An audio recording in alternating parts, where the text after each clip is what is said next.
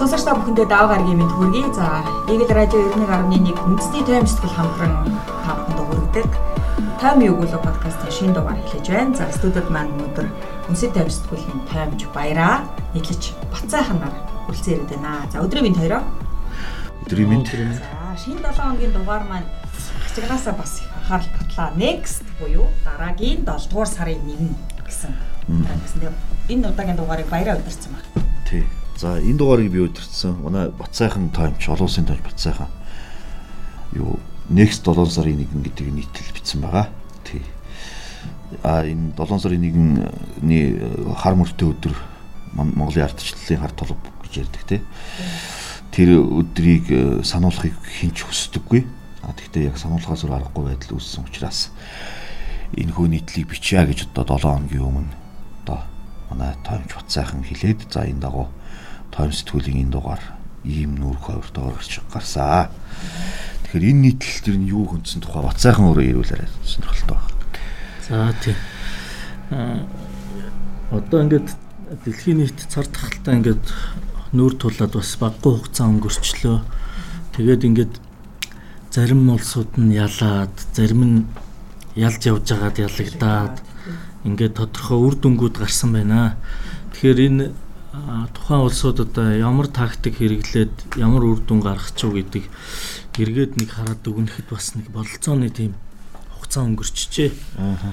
Яг хөө нийтлэл төр бол битсэн байгаа л да ингээд амжилттай тэмцэж байгаа улсууд за амжилтгүй нэлийн хохирол амсцсан улсуудыг жигсааж яаж тэр одоо баримтлсан тактик дээр яг ерөнхий нэг ямар ямар зарчим баримталж ажилласан юм бэ гэж. Аа. Эдрийн ингээд нэг таван сул тал, таван давуу талын жигсааж агаад манах яачваа гэд. Юун дээр алдчихваа. Юун дээр алд. Манах нэг жоохон ил тод явах тал дээр жоохон алдсан болов гэдэг тийм тэр төсөвтэй. Аа тэр эмчилгээ за тэр халдвар тохиолдлууд ч байдаг юм. Ингээ одоо ингээ харахад ийм биш үү? Анх цар тахал эхэлж байгаад монголчууд төр засаг нэг талд байсан тийм үү? Нэг голын нэг ирэг дээр ингээ хамтдаа яаж цаад ирэгт гарах уу гэд. За одоо ингээд одоо харсан чинь ингээ хоёр талд гарчиж, хоёр ирэг дээр гарчиж. Тэгээд жишээлбэл дарга нар нь цаад ирэгтэй гарцсан. Арт түмэн нөгөө ирэг дээр үлдсэн юм шиг мэдрэмж төрөөд. Тийм. Чи аргагүй ш нөгөө тохиолдол буурахгүй байгаад байгаа болохоор арт хүн болохоор мэдээж өөртөөсөө буруу хайхгүй. Аа. За ингээд ийм асуудал үүссэн байна. Яг олон юм яриад байгаа. Одоо ингээд байгаа нөхцөл байдлаа харахад мэдээж бид нэр одоо дэгдэлтийнхаа яг оргил үед байгаа юм байна. Тэр Reuters дээр айгу ойлгомжтой график байдаг байхгүй. Тэндээс ингээд харахад нэг 19 улс дээр нэлээд оргил үетэй харьцуулахад нэг 90% тагаа ингээд халдвар тохиолдлууд илрээд явж байгаа. А яг 9 улс төр яг пик оргил үедээ байгаа. Тэр 9 улсын нэг нь манах байна. Тэгээд тэр улсуудыг ингээд аваад үзэхээр бас ерөнхийдөө бас манах шиг байна. Эхэндээ айгүй амжилттай хамгаалж исэн. Тэгээд одоо ингээд алдцсан юм байна. Тэгээд яг ингээд энэ оргил үедээ ингээд очиод ирсэн чинь төр засгаас одоо нөгөө төлөвлөгөө нь ингээд дууссан юм шиг юм юм ажиглагдлаа сая. Одоо цаашаа ямар ч цаашаа яах вэ гэд. Тий. Тэгэхээр өмнө нь ингээд хийжсэн тэр ард иргэдийн одоо талархлыг хүлээгээд исэн энэ бодлогууд чинь бүгд 7 сарын 1-ээр дуусчихжээ. За энэ ямар учиртай гарч ирсэн огноо юм бэ? Дахлын хуулийн хэрэгжилт хэрэгжилтийг 7 сарын 1 хүртэл яг он дуустал гэж 7 сарын 1 хүртэл сунгаад. Тэгээд нөгөө За ингээ бүх хуулиуд нь тэрийг дагаад тэгээд нөгөө биднэрт эдлүүлж байгаа нөгөө хөнгөлөлтүүд байгаа шүү дээ. Нэг даатгалын шимтгэл багасгах ч байдаг юм уу? Эсвэл ус цахилгааны үн хөнгөлөгч байдаг юм тэглэх бүгд 7 сарын 1-ээр шийдвэрүүд нь дуусж байгаа тий. Тэгээд ерөнхийдөө тэгээд энэ нөөц боломжуудаа энэ 7 сарын 1-нд чиглүүлээд ингээд шавхцсан байна гэдэг дүгнэлт хийсэн учраас энэ 7 сарын 1 1-нд цар тахал дуусахгүй нэ.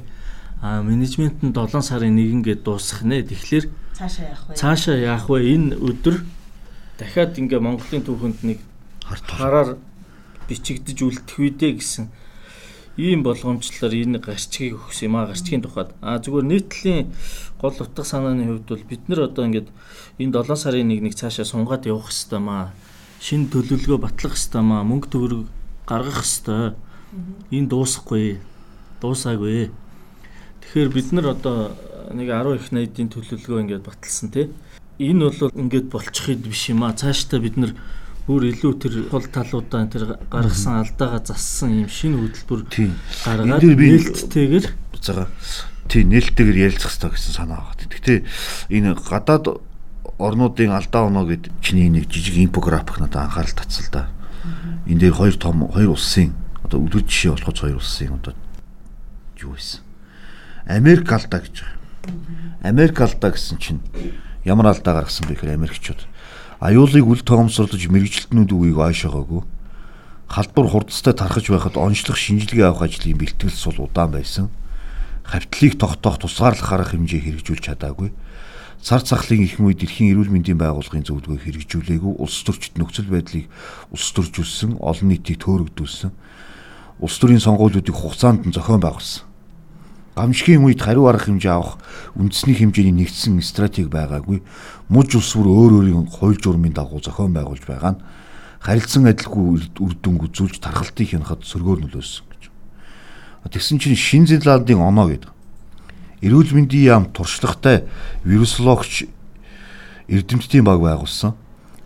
Цар ялдалгүй байгуулсан. Цар тахлын эрсдлийг үнэлэх дөрвөн түвшинг тогтоосон бөгөөд тахлын халдварын тархалтаас шалтгаалan аль салбарууд ямар хугацаагаар ажиллах, хаах, ямар ажиллагааг хориглох, халдварын нөхцөл байдал хэрхэн өөрчлөгдөхөөс шалтгаалan аль түвшинд шилжих зэрэг маш тодорхой уян хатан мэдээллийг арга иргэдэд хүргэсэн.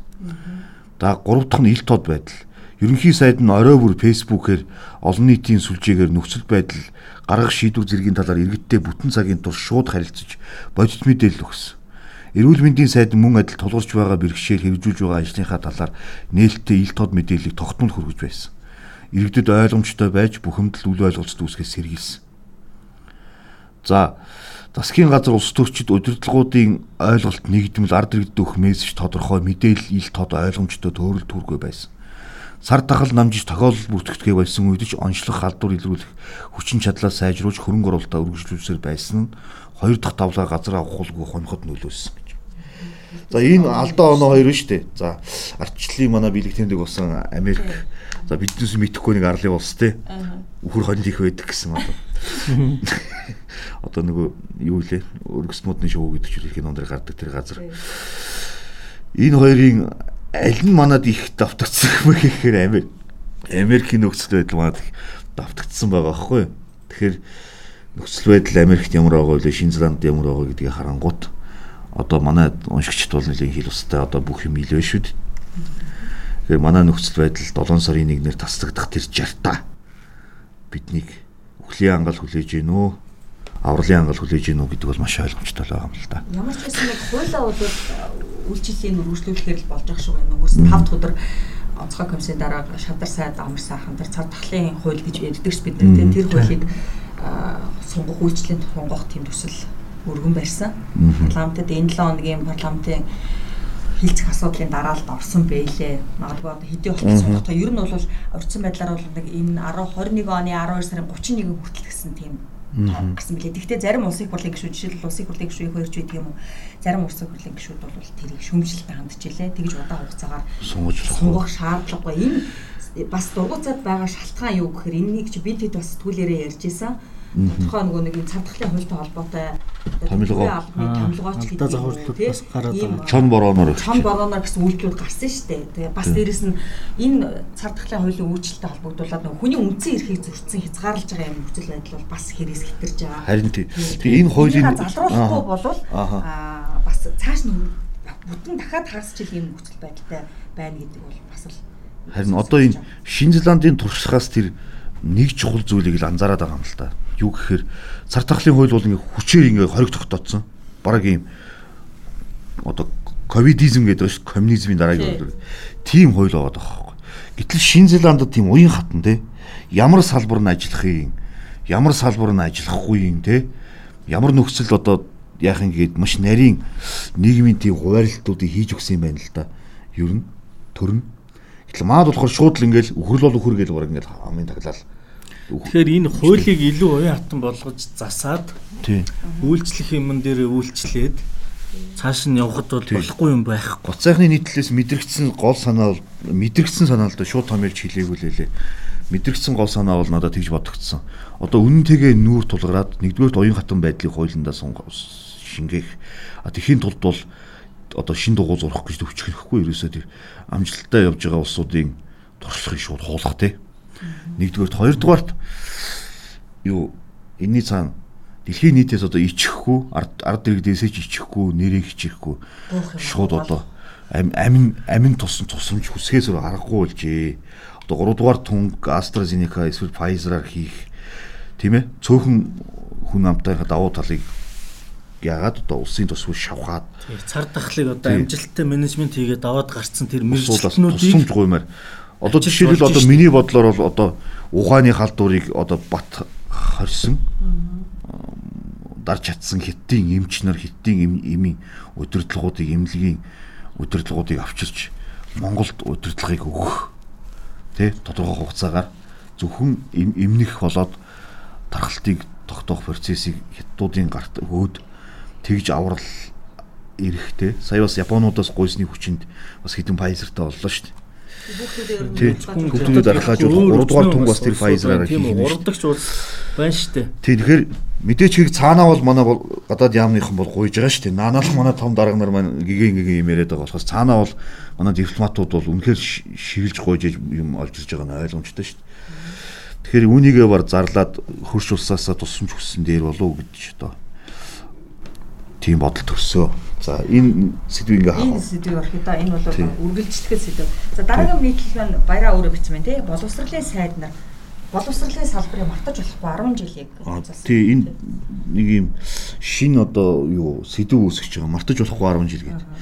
Энэ сэдв энэ цаашаа ингээ үргэлжлээд цаашаа үргэлжлүүлээд явах малгай гарч болоод явах. Тэгээ энэ манай 2010 оноос 2021 он хүртэл одоо 10 жил өнгөрлөө За энэ бол нөгөө шинэ Монголын түүхийн 100 жилийн сүүлийн 10 жил гэдэг нэгдүгээр тийм онцлогтой. Хоёрдугаар манай нэг нь маш олон өөрчлөлт орсон. Одоо жишээлбэл одоо биднес их тийм одоо баабургаан хилдгэрийг загсны ой сомжтой гэж ярьдаг шүү дээ манай ард түмэн. За загсны ой сомжтой биш гэхдээ адуу молныхаа ой сомжтой байж болохгүй. Тэгэхээр юу жишээлбэл ингэж байгаа юм. Биднес болохоор одоо ингэж 2000 одоогоос яг 10 жилийн өмнө биднүүсийн царай муутай зурагтай цахим үлгтэй болсон. Тэрийг. Тэрийг одоо яг хизээ гэдэг үг мартцсан байгаа. А жишээлбэл 12 онд тий 12 онд нийслэлийг хөгжүүлэх төлөвлөгөөнд баталсан. Тэгэхдээ бол 20 он хүртэл Улаанбаатар хотын дотор 3000 орчим автозам бариад төгжил байхгүй болно гэж одоо юу яасан. 10 жилийн дотор. Тий, тий. Зорилттой зорилт дэвшүүлсэн. Одоо бол энэ тухайгаа баг энэ зорилтыг үзгэлж ийсэн үйл дарагч баг мартцсан явах. Тэгэхээр бүр метрогоор зорчоод эхэлсний одоо 3 жилээ гихмитээр маш олон юу болж байгаа юм мартсан. За тэгэхээр шүү дээ энэ 10 жилээ буцаж төнхөж харъя. Яагаад гэвэл энэ 10 жил бол Чингис хааны эхнэр нь бүртээ байсан уу? Сайд нь одоо боорч байсан уу? Чингис хаан хүүтэйгээ ямар харьцаатай байсан гэдгээс бол Манюсын амьдрал хайгүй их чухал ач холбогдолтой л. Бүр тэр байтугай зоригийн асан гэдгээс чухал ач холбогдолтой зүйл байгаа юм л да энэ 10 жил тохиолдсон үйл явдлууд. Ойрын зорилт байсан. Тэгэхээр одоо энэ дээр эхлээд би бол боловсролын сайд нар гэсэн сэдв авсан. Тэгээ боловсролын сайд нар яг юу амжуулсан? 10 жилийн дотор чинь за хоёр хоёр засгийн газар хоёр бүрэн эрхийн хугацаа. За бүрэн эрхийн хугацаанд хэдэн сайд солигдсон байна? За эзэн чинь жилд нэг солигдсон. 3 4 5 6 8 сайд зоригдсон юм уу 10 жилийн дотор.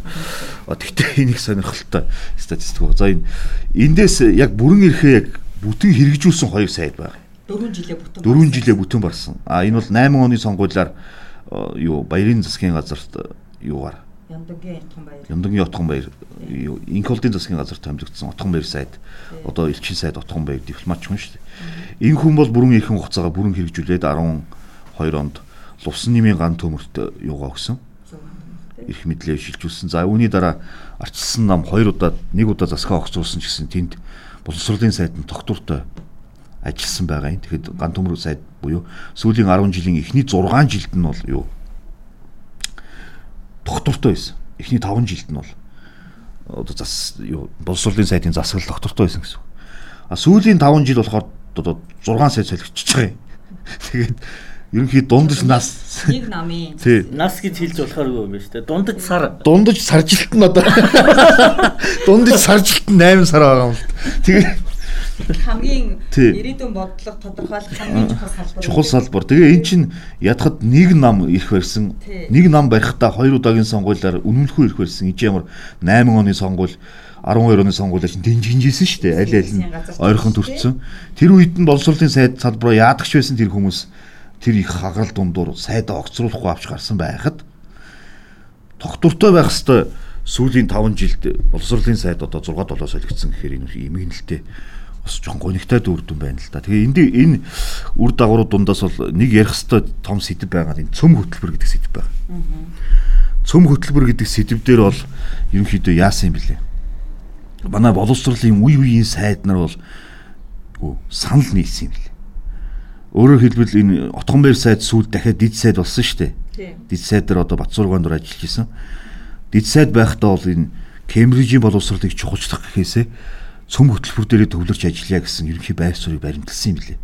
Тэгэхээр ерөнхийдөө э, одоо Баатар бэлэг сайд э, энэ цогцлмоо сайдын үед ч одоо энэ инх хамгаалалтын сайдын үед ч сэдвсрэн сайдын үед ч ерөнхийдөө цөм хөтөлбөрөө хөгжүүлээд сайжруулад явъя гэсэн энэ байр суурин дээр тодорхой бүр ингээд тогтцсон.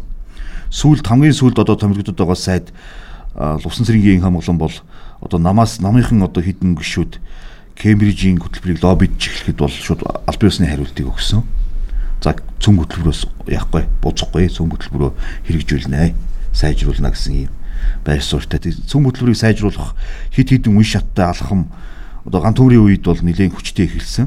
За дараагийн алхмыг нь бол энэ Баатар бэлэг сайд хийсэн юм билээ. Баатар бэлэг сайдын маш богино хугацаанд үр бүтээлтэй ажилласан гол вэ гэхээр энэ э, ган төмөр сайд энэ Баатар бэлэг сайд хоёрын гол ойролцоо чанар нь юу вэ гэхээр боловсролын салбарын эргэх холбоог их сайжруулсан. Өөрөөр хэлбэл орон нутг яг галын шугуун дээр ажиллаж байгаа багш нарын дуу хоолойг маш сонссон. Тэгээ улс орныг хамарсан ийм хилцүүлэг форумуудыг зохион байгуулсан. За тэгээ түүхэнд анх удаа конспектос татгалзаад багшийн ийм сонгол номтой болсон. Гэх мэтийн одоо энэ боловсролын салбарт сайд нарын солигдоод байдаг ч гэсэн бодлогын залгамж халаа бол харьцангуй тогтвортой явж ирсэн юм билээ. А энэ дундор бол цавчиж орж ирж залгамж халааг нэлээг боснуулсан иймэрхүү хурц хурц мэдгдэл хийсэн юм ус төрийн эгоист мэдгдлүүд хийсэн нэг л сайд байгаа нь одоо Батсуур сайд байна. Тэгээ Батсуур сайд баг яг энээсээ ч болж баг унсан гэж үзэж болохоор а ер нь бол өөрийнх нь Батсуур сайдын огторсон шалтгаан бол төгсөлтийн ажил задарснаас болж ус орон даяар төгсөлтийн ажил задарснаас биш шал. тусалтын шалгалтын сэдв задарснаас болж огцорсон. А тэгвэл энэний цаана бол энэ хүний хийж исэн хэд хэдэн хурц мэдгдлүүдийн одоо гор байгаа юм л да. Жишээлбэл цөм хөтөлбөрийг одоо бол болох хэрэгтэй. Цөм хөтөлбөрийг бол сайжруулах хэрэгтэй. Би ойлгохгүй байна гэх мэт юм хариуцлахгүй мэдгдүүд хийж исэн. За тэгээд төрүүчийн засгийн газрын турш одоо 4 жил судлаад хийсэн сургалтын өмнөх боловсролын хөтөлбөрийг шууд зогсоож исэн. Гэх мэтийн ийм боловсролын одоо зүгээр нэг ийм амбицаар тоглоод ингээд байж болдоггүй цаана нь бол олон үеийн эрдэмтэд судлаад харьцангуй доктортой боловсруулсан хөтөлбөрүүд рүү ингэж хүчтэй орж болдгоо юм байна л да. За нэг тийм тал байна. За энд бол бас нэг Актимич Чулуунбаатар бас нэг семестрийн зуны амралтын хугацаатай томилогдоод улс төрийн золиос бол унтсан. Энэ э, Чулуунбаатаргаа бол нэг үг хэлсэн байгаа юм. Онш хэрэгтэй байна. Гэдэг. Тэгээ одоо миний гол үүрэг бол одоо бодлого модлого гэхээсээ илүү боловсролын салбарт одоо нэмж ямар асуудал гараад байна те. Технологийн зөрүү байна, сэтгэлгээний зөрүү юу байна гэд үүн дээр нэлээ оншил оншихлох зорилго тавьж исэн билээ. За тэрийгээ ч энийгээ өргөжлөж хийгээрэй гэж цогцлмаа сайдад энэ тамгаа хөхтэй хэлсэн билээ энэ ах тийм ч. Тэгэхээр онцлог асуудал маш их анхаарал татсан. За энийг бол цогцлмаа сайд авч үзэхдээ бол Японы засгийн газрын тусгай багийг авчирч Азийн хөгжлийн банкны тусламжтайгаар боловсролын 2030 он хүртэлх төлөвлөгөө боловсруулсан одоо бодлогдсон байгаа. Одоо Азийн хөгжлийн банкны санхүүжилтээр хийсэн байх хэвээр. Тэгэхээр иймэрхүү цаашаа ярил боловсролын сайдууд өөр өөрийн гарын үсгийн юм ажилттай. А тий. алдаа онооч байгаа. Гэвчиг ер нь бол манай боловсролын салбар шинжлэхж байгаа тогтвортой цөм хөтөлбөрөөр шинжлэхэд анхаарал хандуулж байгаа байгаа юм билэ. За сүүлийн 10 жил гарсан боловсролын салбар гарсан бас дараагийн том дэвшил бол энэ их сургуулийн булан бох бүхэнд нэг доктор өөрийн мэрэгжлийн индекстэй нэг тэнхимтэй байсныг зэгцэлсэн явдал. Энэ 1800 гаруй мэрэгжлийн индекс байсныг 200 болтол зэгцэлсэн. чанаргүй ихтэй сургууль бакалаврын боловсролтой үеийн үед сайнаар тэмцсэн байгаа юм. А хамгийн том амжилт бол их сургуулийн шинжилэл дээр бол луу ган төмөр сайдын үед бол энэ мэрэгжлийн индексийг зэгцэлсэн явдал. Одоо 2000 гаруй индексээс 10 дахин бууруулж 200 гаруй индекстэй болсон. Одоо чинь юу нүүлжтийн малаж ухаан философи гэх мэт юм философи анги гэдэг юм утгагүй ангиуд байсныг шүү. Тэр бол одоо нэг хүний докторийн ажлыг хэдэн лаборантууд нь судлаа сууж идэг тийм завхарсан юм байсныг зэгцэлсэн.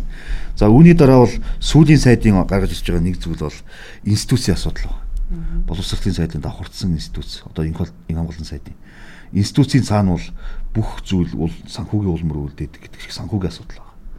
Тэгээд боловсрол руу орж ирж байгаа маш их мөнгө орж ирдэг төсвийн хитөө бид нэлээд маш Монголын хамгийн их төсөв төсөв авдаг салбар шүү дээ.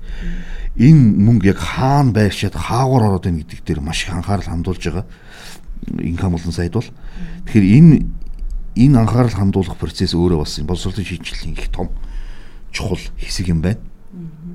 Энийг бол энэ сайд хийгээсээ энэ ч маш том карьертай мэдээж хэрэг баг үндэсний хэмжээний лидер болохос карьертай улс төрч а энэ битгий гიშгүр болгоосоо үүн дээр улирч ажиллаад энийг хийгээсэ гэсэн бодолтойгоор нийтлээ төгсгсөн. За тэгээ юу мэдээж хэрэг энэ нэлийн томхон нийтлэл байгаа 10 10 гаруй сайдын тухай мэдээж хэрэг дэлгэрэнгүй унших бол манай Eagle цэгийн сайт руу орж болно. За манай тогтмол уншигчд бол сэтгүүлээс сэтгүүлээс уншчихна. За дараагийн сэдвт оръё тий. Шилдэг төмөр улс төрийн таймч шилдэг төмөр нөхөс сонгуулва намрын улс төрийн өнгийг тавилцсан байна. Улсын хурл одоо сумын азар 28 дугаар тойрогт сумын азар нийслэлийн засаг дарга болсноор 28 дугаар тойрогт нөхөс сонгуульд ор гарсан. За сая Ухнагийн өрсөх Монгол Улсын ерөнхийлөгчөөр сонгогдсноор хинтэд бас нөхөс сонгуул болохоор таарч тий. За мөн залгуулаад намуудад нийлэн хөдөлгөөн орно. Монгол Ардын нам шин даргаа сонгоно. За энэ засгийн газрын хувьд яаж бас яригдчихэж байгаа? Өөрөөр хэлбэл Монгол Ардын нам Монгол Ардын хувьсгалт нам нэгдэх процессын үед Монгол Ардын хувьсгалт намд бол цөөнгөө сайдын суудлан амлсан гэсэн юм сураг байгаа. Тэгэхээр намын дарга хэн болохоос шалтгаалаад энэ засаг хэн болохоос шалтгаалаад маш олон засгийн хөдөлгөөн орно. Засагт бол тодорхой хэмжээний ямар ч байсан. Тэртээ тэр хусгал намтай нэгдсэн ч нэгдээгүй ч намар бол угаасаа хоёр яам нэмэгдэн штэ захин хөгжил яам эдийн засгийн хөгжлийн яам гэсэн хоёр яам бол нэмэхээ бол хоёрын сайд хэлсэн байгаа. А тэгэхээр одоо Монгол Ардын хувьсгалт намын төлөөллийг засагт оруулах. Тэгээд намын дарга болсон хүн дөрмийн дагуу ерөнхийдөө тэгээд хамгийн гол нь намын дарга нөгөө Монгол Ардын намын дүрм юу байгаа штэ тэ намын дүрмээр намын дарга нь ерөнхий сайд байх хэвээр. Тэгэхээр оюурд нь намын дарга болж чадах уу? Өөр хүн намын дарга болвол ерөнхий сайд солигдох юм тий. Энэ тухай таамаглалуудыг мэдээж хэрэгшээлэг төмөр энэ дээрээ нөхөн сонгуул ба намрын улс төр гэд энэ нийтлэл дээр бичсэн. Цааш шилэг төмөр бичих байх үйл явцууд дээр за ямар ямар нөхцөл байдлууд хүлээж байгаа вэ гэдгийг бол бичсэн байгаа. Сая бол манай э, таймчд бол хилчлээ. А шилгээгийн нэг онцлог болохоор ерөөсөө тийм урьдчилсан зоригтой дүгнэлт хийдэггүй. Ер нь бол ингэж дүгнэдэггүй, энэ субъектив дүгнэлт ерөөсөө хийдэггүй л дээ. За тэр өөрө бичлэгийн онцлог нь. За тэгээд энэ юу 29 жилийн хугацаанд улсын хурлд нөхөн сонгуулиар 9 гишүүн сонгогдсон юм байна. Тэр тухай тойм тэгээд ер нь намрын улс төр ямар хуу нөхцөл байдалтай ямар хуу булангууд булангуудад хүмүүс шахагдсан бэ? Хин шахсан бэ? Хин шахагдсан байгаа вэ гэдэг тухай айгүй сонирхолтой маш цөөхөн үгээр бичсэн юм нийтлэлийг энэ шилгээг нийтлээс уншиж болно. 20 оны сонгуульд дэвсэж оролцсон намууд одоо энэ нөхөс сонгуульд чинь дангаар оролцох боломжгүй тий. Тэгэхээр энэ хоёр хоёр тойрогт явах нөхөс сонгуул дахиад тэр эвслэрээ л оролцох нь. Тэр эвслэрээ оролцсон. Тэгэхээр одоо энэ дэр уламжлалын нэгдсэн нам гэх мэт одоо энэ намууд өвсөлдөх боломж үү гэж юм хэлж болно. Сумын азрын тойрог дээр 28 дугаар тойрог дээр нөхөс сонгуульд айгүй сонирхолтой сонирхолтой фигурүүд нэр дэвшигчэд яригдчихэж байгаа л та. За намрын их хоёрыг хүү Батшугрыг бол угаасаа тэр 28-д өрсөлдөжсэн шүү дээ. Амжилттай өрсөлдсөн. Одоо тэгсэн чинь одоо ажил халаагаа өгч байгаа ерөнхийлөгч Халтмаагийн Батулгыг 28 дугаар тойролд нэр дэвших тухай хэллэр маш бор шуу нисэж байгаа. Тэгээ өөрийнх нь харьяат бор шуунууд биш гардаг үүрнүүдээс их нисээд байгаа сонирхолтой.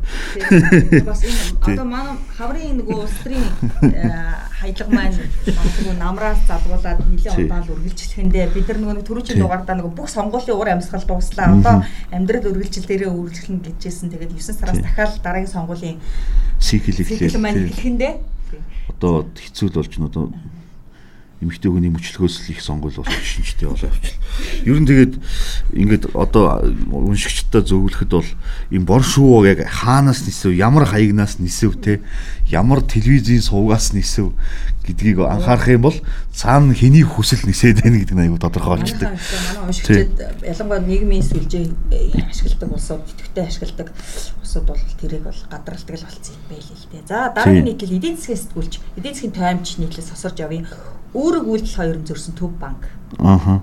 гэсэн тухай. За манай төв банк бол одоо сүүлийн үед засгийн газраас бол ер нь бол улсын төв банк засгийн газраас хараад бус байх ёстой. Тэр зарчим За энэ байдлаа бол Монгол баг хүндээ алдсан. Төрийн төрөвч болж хувирсан гэдэг талаар хүндсэн байлаа. Тийм хүндсэн энэ нийтлэл дээр нэг санаа байгаа нь Төв банкны үг үйлдэл зөрөөд байгаа.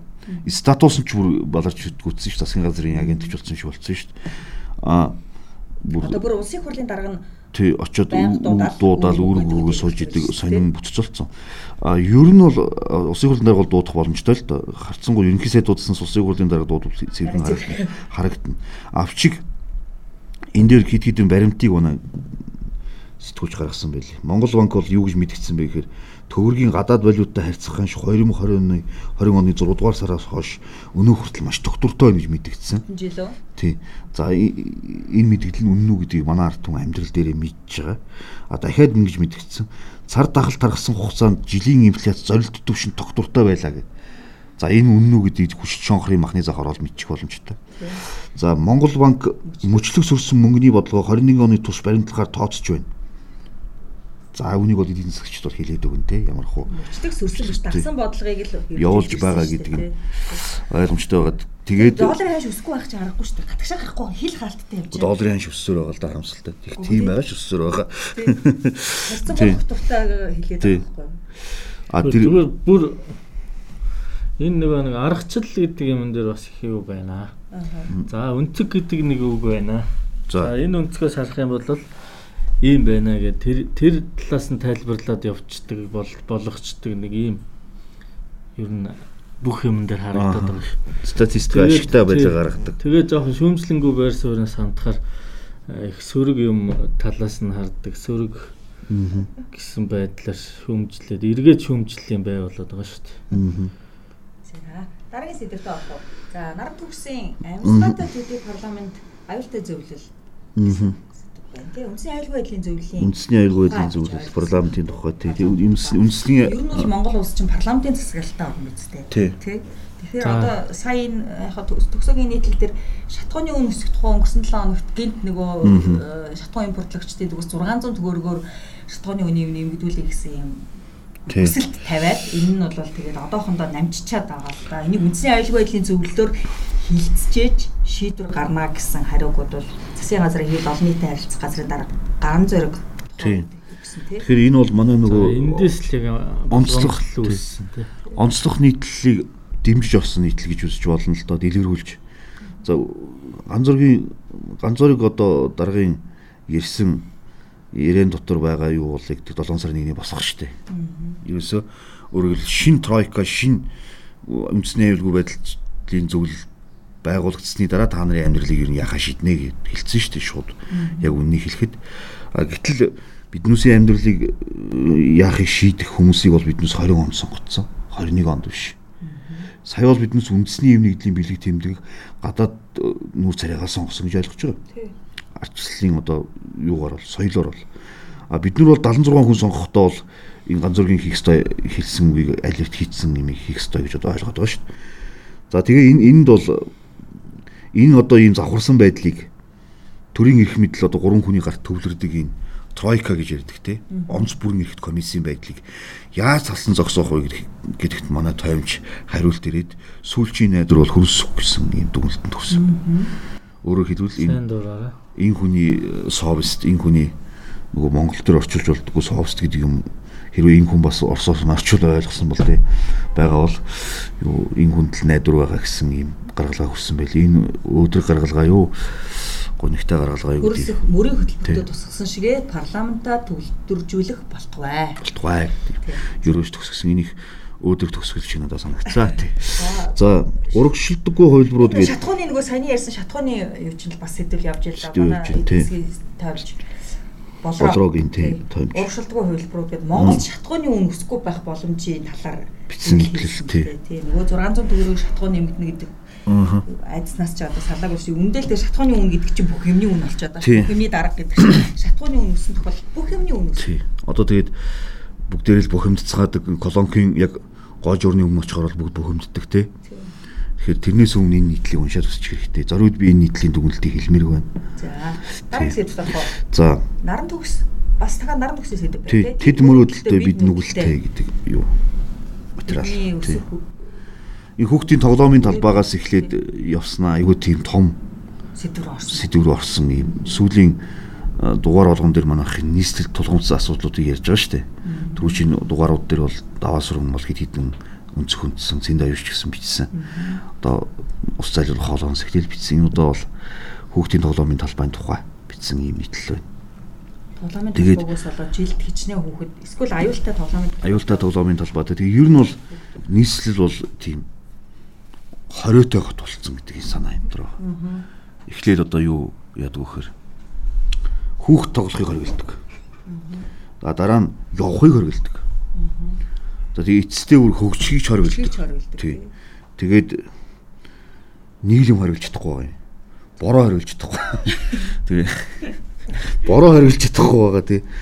Бороо хориглож чадахгүй юм чинь барилга барихыг хориглоё гэдэг одоо санаа юм дэвшүүлсэн. Тэгээд бид хүүхдүүдээсээ тоглоомын талбайг нь булаасан шигэ хожим асрамжийн газраа тэдэнд булаалгахгүй тулд өнөөдрөөс өрчлөё тэг энэ эвгүй эвгүй гарч эвгүй эвгүй санаа хожим одоо яг энэ үлийн үрээ идэлээд биднээс асрамжийн газар олдохгүй байх үедээ гэж бас эвгүй санаа шүү. Бид мөрөөдөлтэй бид нүгэлтэй бид үлдсэн газараа чөлөөлж цэцэрлэг төрөлн болгож чадвал тэдний сүнс амирлан харин чадахгүй л дахиад хэдэн хүүхэд эндэж хэдэн эцгэх амьдын там дунхал хөгжихийг хориглоно гэсэн байна. За. За. За урлаг болонд маань Сойсын төгсөгч Батэрдний агуу мастрын дарилт Куросавагийн тухай гэж ойлгосон. Акира Куросавагийн тухай нэг. Энэ соёлын сургуулийн жүжигчний ангийн энэ жилийн төгсөгч Батэрдэн гээд шинэхэн жүжигчний дипломын хавсарга ажил юм байна. Тэрний одоо гол санаагаар бичигдсэн нийтлэл. За Акира Куросава Японы 50-ад оны үеэс Японы кино урлагийг бол ерөн дорны кино кино урлагийг дэлхийд хүлийн зөвшөөрсөн найруулагч шүү дээ. Тэгээд дэлхийн кино урлагийн бол одоо агуу гэдэг тодтолтой байдаг нэг 10 гаруй найруулагч нэг юм баг. Куросава 1980-ад оны ихээр сэтгэл зүйн гүн хямралд орж бүр амиа хорлохыг оролдсон. Ягаад тэгэхээр Куросавад продюсер Японоос продюсер киногийн хийх хүн олдгоо байсан. Куросава нийгмийн сэтгэвтэйг маш их кино хийж гисэн. Хийсэн ер нь. Тэр нь бол ерөөсө хөрөнгө оруулагчд таалагдаагүй. Жишээлбэл бол үндэсний томоохон хөрөнгө оруулагчд одоо авилгалын тухай адгийн шаарнууд 50 нь морьсож байна гэх кино бол цэвэр Японы капиталист тогтолцооны эсрэг кино байхгүй. Гэх мэт энэ цэвэр уран бүтээлчийн энэ нугууршгүй хандлагаасаа болж их ганцаардсан. Тэгээд бүр амиа орлохыг болцсон. Үүний дараа Куросава юу нэг удаа Японы нэг юу түүхийг хуучин түүхийг аавда ачлалтаа Эрдэм ухаантай гурван хүүхэд аавыгаа хэрхэн өргөсөн тухай нэг хуучин сургамжид үлгэр уншиж байгаад энэ гурав нэр аавда ачлалгүй бүр ингээд ядга алдсан юмуд яг Лирвангийн хөгтөчг байвал яах вэ? Октөчг байвал яах вэ гэж бодол ороод яг тэрнээсээ сэтүүлж Ран гэдэг кино хийсэн. Самурал гэж одоо орчуулж болохоор самурал их захаа алдсан байдал гэж орчуулж болохоор ийм юу байхгүй кино хийсэн. Энэ бол одоо дэлхийд дахинд бол одоо Рожер Эберт гээд Холливуудын том шүүмжлэгч бол энэ тухай энэ бол Акира Куросава босоо тогтоочлоо гэж бичсэн тийм өндөр өндөгцөн кино л доо. За тэгээд энэ тулааны найруулга хайсан хөрөнгөөрөө тухайн үедээ бол Японы киноны хамгийн алд их хөрөнгө татсан кино гэж алдарсан. Хаанаас хөрөнгө татсан бэ гэвэл Франц Японы кинонд хамтарч хамтарсан юугаар хийсэн кино. За энэ Акира Куросавагийн Куросавагийн хамгийн одоо агуу бүтээл гэж бараг тооцогддог. За тэгээд одоо хамгийн өндөр үнэлэгдсэн ийм киноны тухай юм байна. За энд бол зураг авалт нь их хэцүү өрнсөн. Яагаад гэвэл ханиа алдсан зураг авалтын үеэр насан туршдын уран бүтээлчид уран бүтээлчийн хамтрагчаа дундуур нь алдсан. Бөөн хагцал дунд одоо кино хийсэн. За тэгээд энд бол технологийн хор хөнөөлийн тухай Куросавагийн хурц санаа туссан. За тэгээд юм буддизм, нихилизм, дайн одоо нийгмийн хаос, эмх замбраагүй байдлын сэтгэл зүг юм задлан шинжилсэн ийм кино юм л да. Тэгээд энэ дотор бол тэгээд Японы но театрын уламжлал байгаа. А хөгжмөө бол ийм өрн дорон хоссон маш сонирхолтой стилээр бичүүлсэн гэх мэтийн ийм юунууд байгаа. Задаргаанууд нь байгаа. Тэгэд э, гол нь яасан юм блэ? Акира Куросавад энэ шагналаа тэргүүн кино нь Японы Токиогийн кино наадмын анхны Токиогийн кино наадмыг энэ киногоор нээсэн. Тэгсэн чинь тэр кино наадмын нээлтэн дээр нь Куросава өөр ирээгүй. Тэрнээс нь болоод тий тэрсэлсэн гэсэн үг шүү дээ. Японы киночд болохоор тэрэнд нь дургуйцээд нөгөө шилдэг киногоо Холливуудын гадаад киноч сайдаг шүү дээ. Тэр нь явуулаагүй. Химитийн сонирхолтой түүхтэй. Гэхдээ энэ бол дэлхийд даяар Куросавагийн бүх киноноос илүү шагналыг өөрт нь авчирсан юм алдартай. сүүлийн өдрүүдэд гарч байгаа баяргийн шавнарын энэ урлаг бол их анхаарал татж байгаа л да. Би айгу тоож байгаа шүү дээ. Уучлаарай жоохон яаж бодож жүжигчдийг зарим нь жоохон юм уншдаггүй байх ч гэдэг юм уу тийм жоохон бодол төрсөн. Тэгэхэд маш өөр Үүсээ сүүлийн үеийн киноны задлан хийж байгаа дипломын ажлын сэдвүүд бол маш өргөн Киног айгүй өргөн өнцгөр харж байгаа. өргөн өнцгөр шал шинэ үе байна. Огт өөр Шинэ үе гарч ирж байна. Энэ одоо яг нөгөө зэд үеийнхэн. зэд үеийнхэн хилтэй байна. Тийм хилтэй байна. Чөлөөтэй мэдээллийн урсгалаас юм олж авч чадчих, чадчих. чадчих. Гол нь анализ хийж чадчих. Тэр өөрөөсөө анализ хийж Тий. чадчих. Тэгээ энэ хүүхдүүдийн тэр ажлыг одоо энэ бол зөвхөн жүжигчний ангич манай урлаг судлалт зохиолын ангийнхны ажлыг гол нь соёсын бодлого байгаа юм л да сүүлийн жилүүд бол ийм зөвхөн жүжиглэх урлагийг нь үнэлээд тэр дипломын жүжигийг үзээд төгсгөх биш заавал нэг юм хавсрах судалгааны ажил хийлгэж төгсдөг тэрэнд нь үнэлгээ өгдөг болсон байхгүй. Тэр нь хүүхдүүд бас өсөхөд их чухал нөлөө үзүүлж байгаа юм л да за. Тэд болно да. за хар ТV ногоон гэрийн Хар хэлний тэр талаар ногоон хэрэм гэд би энэ манайх чи ногоон хэрэм барьж яана гэл манай бацаахан бичижсэн баха. Ногоон хэрэм чи одоо манай ногоон хэрэм чи яригдчих эхлээд хэдэн жил болж 2005 оноос хойш яригадаад тэгээд э, ерөнхийдөө бол яг зогссон гэж бол хэлж болохгүй үргэлжлээд явж л байгаа одоо ч гэсэн. Яг хоо жоохон далаацтай байж чадахгүй. цагаан хэрмийн чинь хэдэн жил байсан гэдэг үлээ Тэр нөгөө активт сахарын цөл гэж байдаг. Сахарын цөлөөс урагшаад цөл сахилийн бүс нутаг гэж байдаг юм байна. Тэгээд сахарын цөл маань урагшаага бас нүгээд сахилийн бүс нутаг ган гачиг ихтэй байгаа. Их болсон. Тэгээд энэс сэргийлэхэд бол апроктивт юм Сенегалийн одоо баруун баруунаас зүүн хүртэл Сенегалаас Жибути гэдэг улс хүртэл ингээд апрокт оны сахарын цөлийн урдуур ногоо хэрэм барья гэж төсөл 2008 оноос ахуулаад хэрэгжүүлж байгаа юм байна. Тэгээ сүүлийн жил бас л яг Монголтай адилхан алдаа оноотой мөг төгрөгийн гоцооч байдаг юм уу? Иргэдийн хумсад орооч байдаг юм байдаг гэсэн сүүлийн жилүүдэд өнгөрсөн жилээс хадаад нэлээд эрчимдэж байгаа.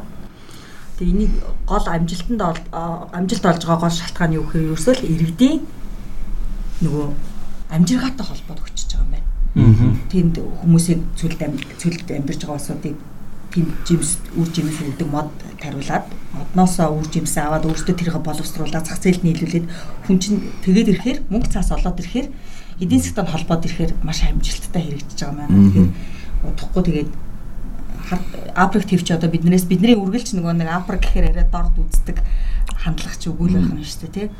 Төрүүлээ ногоорхон байна тий ногоорхон байна гэсэн зүйлийг өгүүл. манай говьд чинь бол бас амьдралын нүдэнд очиж байгаа ганц юм ба нүүрс болчихсон тий Тий. Тэгэхээр бид нар чи бол аль болох байгалийн доотхоо ухах гад идэг За энэ ч нөгөө нэг Нобель авдаг эмэгтэйн тухай байгаа юу? байхгүй. Хрушевтой хундах тулгсан түүх гэж цаахан маань бичсэн. Аа. За энэ Хрушев хэрч 1960-аад он болох юм тий. Тэ энэ юу байхгүй. спортын материал гэж байгаа шүү дээ. Спортын түүхэнд нэг тийм мэдгэлтгүй нэг чамин чамин жижигхэн жижигхэн тийм содон түүхүүд өгдөг шүү дээ. Тэрний нэг юу юм л да. Чемберлен ах Will Chamberlain Will Америк Chamberlain, за. NBA-ийн домог тий. NBA-гийн домог нэг тоглолтод авсан оноогоор дээд амжилт эзэмшдэг тий. За нэг улиралд авсан онооны дунджаараа 60-аас дээш үлээ Аа. гарч исэн гэт ингээ маш олон дээд амжилтыг тогтоож исэн энэ домог тоглогч юу үндэсний сагсан үеийн холбоонд орохоос өмнө нэг жил Харлем Globetrotters гэд юунд тоглож исэн юм байна. Шоуны баг гэж ярьдаг. Тэгтээ яг сүүлийн үед тийм шоу болсон болохоос яг тухайн үед бол нөгөө NBA хард тоглогчдыг нэх авдаггүй байсан юм байна л да. Тэрэндээ. Тийм яг одоо тэгсэн мөртлөө яг шилдэгүүд нь болохоор харууд байгаад байдаг. Тэгэхээр энэ харилын болохоор тэр харуудыг авдаг байсан. Тэр утгаараа юм. хамгийн одоо шилдэг баг байсан юм байна. Одоо чинь NBA-д ороод ингээд тоглоход л төрүүлчих хэмжээний тийм чадварын хувьд тийм баг байжээ. За тэгээд НБ бас нөгөө юу насны босго тавьдаг. Ер нь дээд сургууль төгссөн хүнийг л авдаг байсан болохоор Хаарлымын хүүхдүүд орж чаддаг л байж л дээ. Тийм тэгэхээр нөгөө хин чин Чемберлен цоороод 3 дугаар курстэй цоороод тэнгүүтээ НБ-д орох гэсэн чинь нэг жил хүлээ гингүүт нь харилам нэг санал тавиад тийш орсон юм лээ. Тэгээ яг тэр жилд нь аялын тоглолтоор зөвлөлт холбоот улс руу явж таарад Тэгээ мань хүн тэнд очиод тоглосон юм байл л дээ. Тэгээ тэр тухайн тоглолтууд нь ямар ямар нөхцөл байдалд болсон. Тэгээд энэ наривчлсан юмнууд сонио ачин тийм нийтлэл дотор байгаа. Тэгээд тийшээ явж ирээд л ерөнхийдөө үндэсний шигсэн бөмбөгийн холбоонд тоглоход одоо жинхэнэ утгаараа бэлтгэжээ гэж. Аа. Хрушевтод ийм ямар түүх байгаа юу? Денис Родман хин хоёр шиг Ким Жон хоёр шиг тийм түүх байгаа юу ер нь юу болсон юм бол энэ банкет энэ нөгөө нэг аялын тоглолт өндөрлөөд тэгээд банкет болоод тэгээд тэр банкетн дээр нөхдүүд уусан гэж байгаа. Тэгээ уугаад тэн дээр тэр тухайн үеийн зөвлөлтийн одоо том тэр улс төрийн төвчөөний томчууд момчууд ингээл нөхдүүд ирдэм байгаа ч тийм. Тэгээ тэн донд нь хуршаа байсан гэж. Гэтэ хуршаа бас төр тухайн үедээ Үдс суртлын үдс суртлын сайд тий. Даны өндөр үед бас жоох мэдрэмжтэй хэсэм шиг санагддаг шин. Тэг ер нь бол ийм штэ. Энэ зүйл толгойт улсын энэ одоо энэ хөрсөн нэг жоохон хөгжил дэвшилгээд энэ юунуудыг чинь Америкаас авсан байдсан штэ нууц хөлөгт. 30-аад оны үед нэг харилцаа нэг жоохон дулаараад тэгээд тийшээ чи очиод тэнд тэнд одоо нөгөө зайрмаг майрмаг одоо нөгөө тэр Америкт очиж л амталж идэж үтсэн тэр гоё санагдсан юмнуудаа хурц ирэл эндээ юугаа хийгээл та нар одоо энийг хий. Ийм юмтай бол утахгүй гэж байгаа. Тэгээ зарим нь болохоор технологийн Америкаас бас гуйгаад авцсан байдیں۔ Тэг ийм учиртай. За. Даасрангийн ахуй сэдв дээр транс тосны хэрэглээ тэглэе гэж. За транс тос гэл хүн амын эрүүл мэндэд хамгийн их занл хийсэн тархалтын гол тархалтын шогоо шүү. Тархалтаас илүү зүрх судасны өвчин, өвчлөл тий. Хүүхдийн хоолд маш хэрэглэгдэж байгаа л да. Яг нөгөө нэг хүүхдүүдийн идэх дуртай боо борцог юу гэдгийг мутахгүй тулд. Тий, мутахгүй тулд боо борцог одоо бялуу шарсан хуурсан хоол бүтээгдэхүүнд маш их хэмжээгээр хэрэгэлдэг. А маргарин л гэсэн үг шүү дээ. Манай ч нөө тарантас гэхээр болохгүй дээр бид нар ч маргарины ч бас сайн иддэг байлаа. Одоо тэгээд энэ баруунд болохоор энэ трансны хэрэглээг хумаад сүүл сахаргийн кино гарсан тий энэ хэрэглээг хомж байгаа. Энэ болохоор бас л одоо нэг Монгол хуучин машины юу гэдэг шиг оршуулгын газар гэдэг шиг. Тийм. Энэ трастонсны гол онилж байгаа зах зээл манайх шиг ядуу зах зээл болсон. Одоо ингээд нэг бүх юмыг нэг улс орны эдийн засаг энэ эрх хөрөгчрүүд ихэд байх жоох утгагүй байдیں۔ Гэхдээ энээс чинь одоо шалтгаан үр дагавар гэдэг ийм хоёр юм байхад энэ транс тосны хэрэглээ эднес чи үр дагавар байхгүй гол шалтгаан нь юу гэхээр чинь энэ баялагын зохицуулалт энэ хуваарлт энэ иргэдийн амжиргаа ингээд одоо жишээлбэл ингэж юм л да бид нар ингээд нэг бэлэн бид нар ч одоо нэг гурилан бүтээгдэхүүнийг эртээ үгийг хийгээд итгэхэр одоо зөвхөн өрхийнхөө хэрэглээг хангах хэмжээнд хийхдээ бас алдагдaltaй гардаг гэдэг ба шүү дээ. Бөөнөр нэхгүй учраас гэхдээ харьцангуй эрүүл гарна шүү дээ ер нь бол. Уг нь ерөөсөө л яг тийм байна. Тэгээд Ингээд нэг үйлдвэрийн бүтээгдэхүүн аваад тэрийг ингээд задлаад өчгөө тэр нь цаанаа бас нөгөө бөөн хэмнэлт явж идэг. Хямдхан юм аваад хэрэгэлсэн байдаг. Тэгэл чинь цаашаа эрүүл мэндийн салбар ингээд аймаар ачаал юм уч ингээд бүх юм энтэй л ингээд холбоотой байна. Ер нь бол ингэж боддоо шүү дээ нөгөө жоохон яага бид нар чинь социализм үед жоохон дутуу гоцсон үед өссөн л доо. Гэхдээ тэр болтон болгон үйлдвэрийн боо борцог аваад авахгүй гэртэл голцоо болгодог байлаа ш. Тэр тэр хэмжээгээрээ эрүүл юм хэрэгэлдэг байж одоо бидний хэрэгжилж байгаа бүх юм боловсруулагдсан тий. Сав боглоод болоос ахуулаад хаягдл ихтэй, дандаа химийн орц найрлага ихтэй.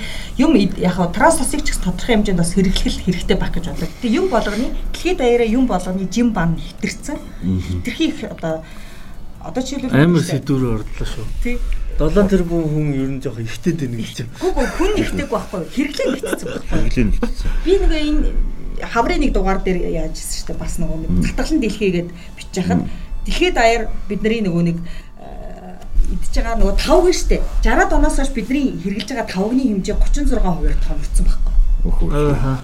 Тэгэхээр энэ бүхэнтэй холбоотой. Ер нь бол тийм штэ. Ингээд үйлдвэрлэгч би ингээд байлаа гэж бодоход юу яан штэ юмны ингээд үн импортын үн өслөө Тэгвэл би яаж хэмнэлт хийх вэ гэх юм бол үнэ нэмчүүл хүмүүс уурлан тийм үү? Тэгээ би бүтээгдэхүүнээ яагаад за би тараас тос болчихъя. Тэгэхээр ингээд хэмжих юм байна. За би жингээ жижигсгчихье. Одоо жишээлбэл нэг килограмм борцог гэдэг байха байсан шүү дээ. Одоо 900.